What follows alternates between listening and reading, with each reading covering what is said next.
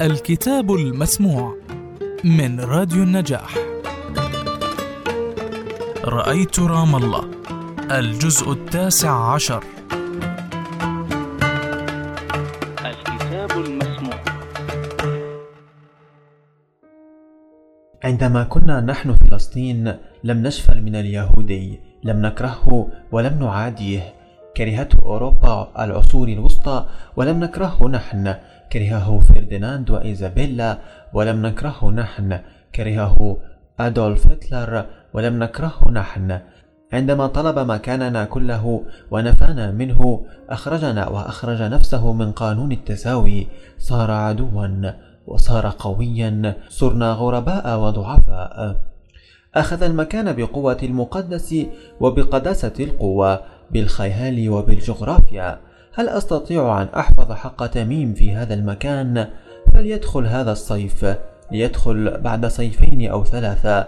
ليدخل بعد عشرين صيفا. المهم أن يكون من حقه أن يعيش هنا ذات يوم. حتى لو اختار الغربة بعد ذلك. فالغريب الذي يستطيع العودة إلى مكانه الأول يختلف عن ذلك الذي تلهو به غربته لهوا دون أن يكون مستشار نفسه. أنظر إلى أبوتي لتميم وأتذكر أبوة أبي لنا لعله كان أكثر حنانا علينا. أم أننا ببساطة جيل يتجنب عن قصد إظهار كل عاطفته أمام الآخر حتى أمام الإبن.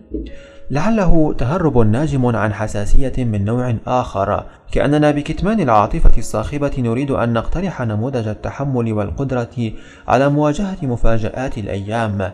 نقترح ذلك على الأبناء وعلى أنفسنا قبلهم كأننا نختار الجانب العملي في التعبير عما بداخلنا ونتجنب عمدا تشجيع أبنائنا على الوضوح العاطفي. عندما كنت أودع رضوى وتميم في مطار بودابست لم أكن أكف عن المداعبة والحديث بصوت مرتفع نسبيا في كل الأمور إلا في الموضوع الذي يشغل بالنا جميعا وهو رحيلهم الوشيك. كان وداع أبي أو أمي لأي ولد منا مشهدا شديد الوطأة على الجميع. عندما ودعنا منيف المسافر للعمل في قطر فوجئنا بالوالدة تسقط من بين أيدينا على بلاط مطار قلنديا وقد أغمي عليها وفقدت الوعي والنطق لدقائق مما سبب لنا نحن الأولاد الصغار هلعا وارتباكا وفوضى؟ وكان أبي يكتب لي رسائل مؤثرة لا أعرف كيف أتجنب الاضطراب بعد قراءتها. أعامل تميم معاملة زميل أو ند ولا أتبين مدى تعلقي به إلا عندما أتحدث عنه أمام أصدقائنا الآخرين وفي غيابه. وحتى في التخاطب اليومي مع رضوى يغلب الطابع الذي يواري والذي لا يفصح بالمفردات اللغوية عن العاطفة. إنها مزيج من الجمالات. أقول ذلك للأصدقاء والصديقات. ولا أظنني قلته لها مباشرة ذات يوم. عندما أرسم صورة شعرية لها فإن القصيدة تصبح إصغاء للذات وليست قولا لمخاطبتها. في الخطاب اليومي معها ومع تميم أكثر من المزاح والمداعبات والإجابات غير المتوقعة التي تصل إلى حد المناكفة والاستفزاز اللطيف لكنه استفزاز. أعجب للذين يحتفظون بصور من يحبون في جيوبهم أو محافظهم الجلدية وحقائب سفرهم. إن فعلت ذلك فلسبب عملي بحت. هذه المرة مثلا أحضرت عدة صور لتميم من أجل إرفاقها بطلب الهوية. عندما زارت لطيفة الزيات قواعد الفدائيين في الأردن في أواخر الستينيات عادت إلى القاهرة تصفهم بوصف لم أجد أعذب منه. قلت لها كيف وجدت الناس هناك؟ قالت وهي تضحك إنهم أجلاف طيبون. هل سرق اللصوص رقتنا؟ من سرقها إذا؟ الآن الأجلاف الطيبون هم أطفال الانتفاضة من أين أتوا بكل هذه الصراحة المشوبة بالخشونة الذين خلط الذين خالطتهم منهم في نطاق العائلة والأصدقاء وجدتهم أقل خوفا وأقل تحفظا وارتباكا منا ونحن في مثل سنهم مهاراتهم اليدوية مبهرة لشخص مثلي قدرتهم على المحاججة والنقاش وسوق البراهين ورواية القصص تفوق قدرة الأطفال من أمثالهم في البلدان التي تحيا في ظروف طبيعية هل لأنهم رأوا الكثير؟ هل لأنهم تحملوا مسؤوليات مبكرة؟ هل هم كذلك لأن أهاليهم انشغلوا بأمور أخطر من تدريبهم على الحياء والخزبلة؟ يتحدثون في الفصائل والأحزاب ويقولون لك هذا فتح وذاك حماس وذاك شيوعي أو جبهة إلى آخره يحفظون الأغاني والأناشيد الوطنية ويتقنون الدبكة أو يتدربون عليها ولا يترددون في أن يغنوا لك أغنية أو يرقصوا رقصة يعرفونها. عند أول طلب أو رجاء يوجه لهم لا أريد أن أقول إنهم أفذاذ أو عباقرة ولكني أريد أن أشير إلى حساسية مختلفة اختلافا بينا عن مألوف الطفولة كما عشناه نحن. كان أبي يستدعيني أحيانا أمام ضيوفه لأسمع نشيدا مدرسيا مثلا أو حتى جدول الضرب أو قصيدة مقررة من نوع عصفورتان في الحجاز حلتا على فنن. فأشعر برغبة في الهرب من الدار كلها وأخترع كل الأعذار الممكنة لأتجنب ذلك الموقف. أما حبوب فقد جلس ملتصقا بي على الكنبة في برندة جده أبو حازم وقال لي مباشرة وبدون مقدمات أغني لك أغنية يا عمو وفي يوم آخر قال لي أنا رايح أشتري بسكوت. شو بتحب أشتري لك؟ معي مصاري. وأخرج أمواله من جيب بنطلونه القصير ليبرهن لي على صحة تصريحاته وأضاف بعد أن قبلته شاكرا أنا بحكي كلام جد. أنا اللي بدي أشتري لك هدية. قل لي شو اللي بتكون سعيد لو أهديتك إياه فإذا به يجيبني بسرعة. تعال نام عندنا. ليش أنت دايما عند بيت جده أبو حازم؟ قلت لأبي يعقوب إن ابنه لطيف جدا وحكيت له عن دعوته لاستضافتي وحماسه لشراء شيء لي من الدكان. فقال لي وهو ينظر إلى الولد نظرة تمزج الإعجاب المستتر والتلميح التربوي. هذا الولد أزعر.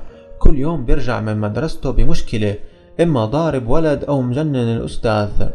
نعم لعل هذا ما أردت أن ألخصه حول طفل الاحتلال الشخصية المركبة التي تجمع شفافية المشاعر واقتحامية السلوك الفزع والجرأة الهشاشة والغلظة.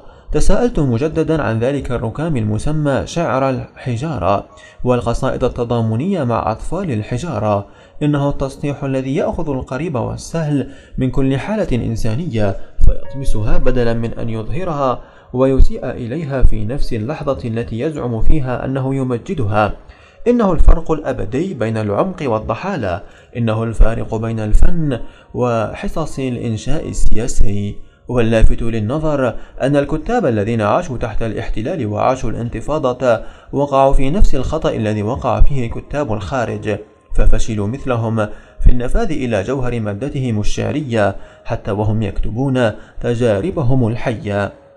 قلت لنفسي إن المسألة في جوهرها تكمن في شرط المعرفة الأكثر دقة بالحياة وفي النضج الإنساني الذي هو أساس كل نضج فني وهي سمات لا يقوم عمل فني مدهش بدونها بغض النظر عن التجربة المعاشة. المهم هو تلك البصيرة النافذة والحساسية الخاصة التي نتلقى بها التجارب وليست, وليس التواجد في موقع الأحداث فقط فهذا على أهميته لا يكفي للفن. قلت لنفسي إن الفن متطلب الفن طماع. لقد عشنا غربتنا في بلاد الآخرين وعايشنا غرباء يشبهوننا. فهل كتبنا غربتنا؟ ما الذي يجعل قصتنا نحن بالذات جديرة بأن يصغي لها العالم؟ ومن يصغي لقصص أولئك الرجال والنساء والأطفال الذين أخذتهم الغربة إلى الضفة الأخرى التي لا يعود منها أحد ضفة الموت الأشهب المبتل. لقد تبعثر موتانا في كل أرض وفي أحيان لم نكن ندري أين نذهب بجثثهم والعواصم ترفض استقبالنا جثثا كما ترفض استقبالنا أحياء. وإذا كان موت الغربة وموت السلاح وموت الاشتياق وموت الموت البسيط شهداء ولو كانت الأشعار صادقة وكان كل شهيد وردا فيمكن لنا أن ندعي أننا صنعنا من العالم حديقة هذه ليلتي الأخيرة في رام الله. قدمت الطلب بتصريح لم الشمل لتميم وشعرت أن هذه الخطوة تعد وحدها إنجازا وهي كذلك بالفعل. مر اليوم مزدحما بالضيوف من الأهل والأصدقاء والجيران والزملاء. تختلط فيه الأحاديث وأنا أحاول أن أكون الطرف الذي يسمع لا الذي يتكلم. أخرجت أوراق منطق الكائنات ودخلت إلى سريري. في الغرفة الصمت كامل كأنه دائرة مرسومة في كتاب. منذ فترة وأنا أميل للإصغاء. منطق الكائنات كله قائم على أن الكائنات من جماد ونبات وحيوان وإنسان هي التي تقول ودوري هو الاكتفاء بالإصغاء إلى أقوالها. في ديواني الأول كنت أقترح على البشرية أمرا لا أقل من الطوفان وإعادة التكوين. كنت في العشرينيات من عمري. إنه السن المناسب تماما للتأكد من الحكمة. كنت أكتب الشعر في الجامعة ثم في الكويت التي اضطرني خالي عطا إلى الذهاب إليها عندما التقيته في السبعة وستين في مصر لرعاية أسرته. كنت أتملص من البقاء هناك. كنت أريد أن أواصل اهتمامي بالشعر والأدب. نشرت في مجلات الآداب ومواقف والكاتب. لرضوى يعود الفضل الأكبر في اتخاذنا قرار ترك الكويت نهائيا والسفر إلى القاهرة. كنا تزوجنا سنة 1970 وبعد أقل من عام واحد غادرنا الكويت نهائيا. قررنا السفر إلى بيروت والبقاء فيها بضعة أيام قبل أن نركب الباخرة إلى الإسكندرية فالقاهرة في بيروت نزلنا في فندق الحمراء من غلاف أحد الدواوين أخذت رقم تليفون دار العودة. ألو الأستاذ أحمد سعيد محمدية نعم أنا اسمي مريد البرغوثي. ويا أهلا بالشاعر أنت بتحكي من بيروت؟ كانت رضوى بجانبي في الغرفة. وضعت يدي على سماعة الهاتف وقلت لها مندهشا بقول لي أهلا بالشاعر. كنت أظن أنني بحاجة لمقدمة ذكية وطويلة لطلب موعد للقائه وطرح فكرة نشر ديواني الأول في الدار المرموقة التي هو صاحبها ومديرها. وكنت وأنا المقيم في الكويت أظن أن أحدا لم يسمع بي في بيروت عاصمة الشعر العربي. ثم واصلت حديثي. أنا في فندق الحمراء. شرف اشرب فنجان قهوة. أكيد عندك ديوان. هاته معك. في دقائق وافق على نشره. وصدر بالفعل في يناير 1972 كنت أعطيت نسخة أخرى من المخطوطة لمنى السعودي لتصمم, لتصمم لي غلاف الديوان. رسمته بالفعل لكنها وضعت عليه اسم منيف البرغوثي بدلا من مريد البرغوثي بالطبع لم يكلف صاحب الدار نفسه إعادة تصميم الغلاف فظهر الديوان وقد أخفي اسم منيف بمستطيل من الحبر الفضي وكتب اسمي فوقه. ما يزال بوسع المدقق أن يقرأ الاسمين ممتزجين مع بعضهما إلى يومنا هذا. كل ما في الأمر أن منى كانت تعرف منيف ولا تعرفني قبل لقائي بها ويبدو أنها سهت أو اختلط عليها الأمر. المهم أن امتزاج اسمي واسم منيف بهذه الصدفة العجيبة اكتسب عندي وعنده بعدا رمزيا محببا مما خفف من قبح الغلاف. أحاول أن لا أنام. أحاول أن أنام. لا أنام. أكتب شذرة من هنا وشذرة من هناك. ملاحظات عابرة. تلخيصات سريعة لمناقشة ما. عندما أطفئ النور أغمض عيني. تبدأ ثرثرة العمر تعلو في هذه الغرفة الهادئة المعتمة. هواجس وأسئلة وصور عن الحياة التي مرت والحياة التي تنتظرني وتنتظرنا. انهماك النهار يتحول في الليل إلى وطأة وثقل. هناك شيء يطالب بأن يكتمل ولكنه لا يكتمل. أحاول قياس المسافة التي خلفها البعد بين الأحياء هناك والأحياء هنا وبين الأحياء والموتى هنا وهناك. أمسك بمخطوطة منطق الكائنات وأقرأ السعيد هو السعيد ليلا والشقي هو الشقي ليلا. أما النهار فيشغل أهله. أحاول أن أضع الغربة بين قوسين وأن أضع نقطة أخيرة في سطر طويل من حزن التاريخ التاريخ الشخصي العام. ولكني لا أرى إلا الفواصل. أريد رتق الأزمنة معا. أريد وصل لحظة بلحظة. وصل الطفولة بالكهولة وصل الحاضرين بالغائبين والحضور كله بالغياب كله. وصل المنفى بالوطن ووصل ما تخيلته بالذي أراه الآن. إننا لم نعش معا على أرضنا ولم نمت معا. هناك في محطة قطارات الشمال في باريس في الحادية عشرة ليلا كان منيف يترنح قبل أن يسقط على حافة الرصيف في صقيع نوفمبر ليعود لأمه ولنا في صندوق. هذا الذي عاش بالأصدقاء وللأصدقاء وكان يحب أن يحيط حياته بالناس. يزورهم يزورهم ويستقبلهم يدعوهم يسأل عن أحوالهم بالهاتف. هل كان يهيئ نفسه لمثل هذا اليوم الأخير؟ مات موتا وحيدا مستوحشا غامضا في محطة الشمال. لم يكن معه أحد على الإطلاق. لا أحد. الثامن من نوفمبر من عام 1993 كنا ثلاثتنا رضوى وتميم وأنا على مائدة الغداء في بيتنا في القاهرة. رن الهاتف قمت للرد صوت أخي الأصغر علاء يتحدث من الدوحة. قال وهو يبكي كلمات قليلة جدا لا أذكرها. سرت البرودة في أكتافي. قلت كلاما لا أتذكره. كل ما أتذكره بوضوح أن رضوى قفزت من مقعدها تسأل وهي مخطوفة الوجه عما حدث. قلت لها كأنني أكتب كلماتي على ورقة وأضع تحتها خطا لتأكيدها. منيف مات. مات. كان أحد أصدقائه قد اتصل من جنيف وقال إنه تعرض لحادث في محطة الجار دي نور في باريس. اتصلت اتصلت ببيته وبجنيف أحاول فهم أي شيء.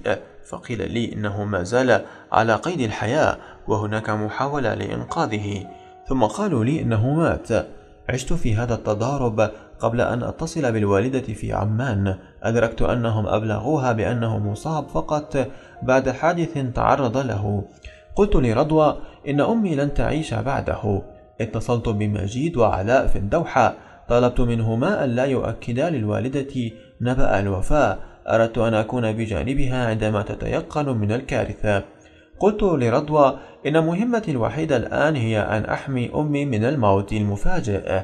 قلت لها لو نجحنا في جعلها تعيش بعده بيومين فإنها ستعيش. المهم أن نتجاوز لحظة تلقيها الخبر. كنت أتعامل مع المأساة تعاملا غريبا كأني رميت في زلزال وخرجت منه أبحث عن مصير أمي فيه. كأنني تمكنت من تنحية الخبر نفسه بعيدا عني بما يتيح لي القدرة على السيطرة على زمام الأمور. لا بد لأحد ما أن يسيطر على زمام الأمور.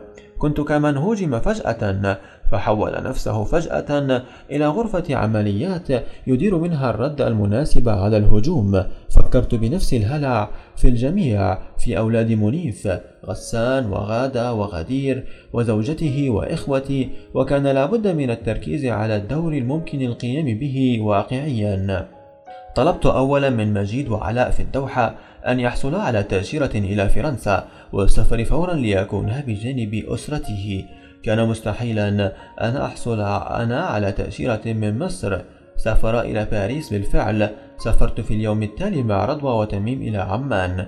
استقبلنا حسام في المطار. حكى لنا التفاصيل. منيف سافر بالقطار من بيته في فيجي فونسونو إلى باريس. قضى فيها بعض الأشغال ثم توجه إلى محطة قطارات الشمال ليلحق بقطار الرابعة والنصف بعد الظهر ليحمله إلى اجتماع في مدينة ليل.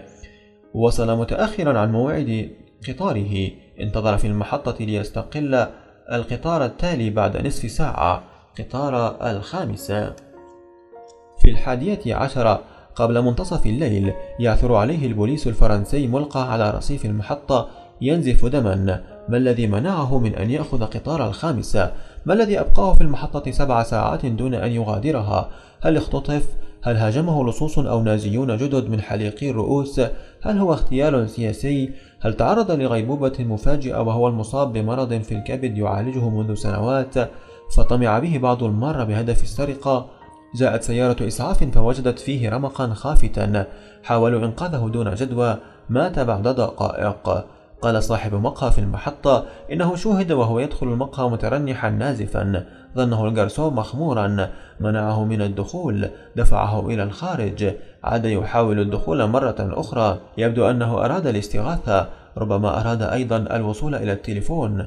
مشى خطوتين أو ثلاث سقط على مائدة يجلس عليها شابان برتغاليان. قام الشابان ودفعاه بقوة إلى الخارج. سقط للمرة الأخيرة بعد أربع خطوات من باب المقهى. حسام يشرح كل هذه التفاصيل باكيا وبشكل متقطع بطيء متعدد النبرات. قال إنهم لم يخبروا أمي بشيء.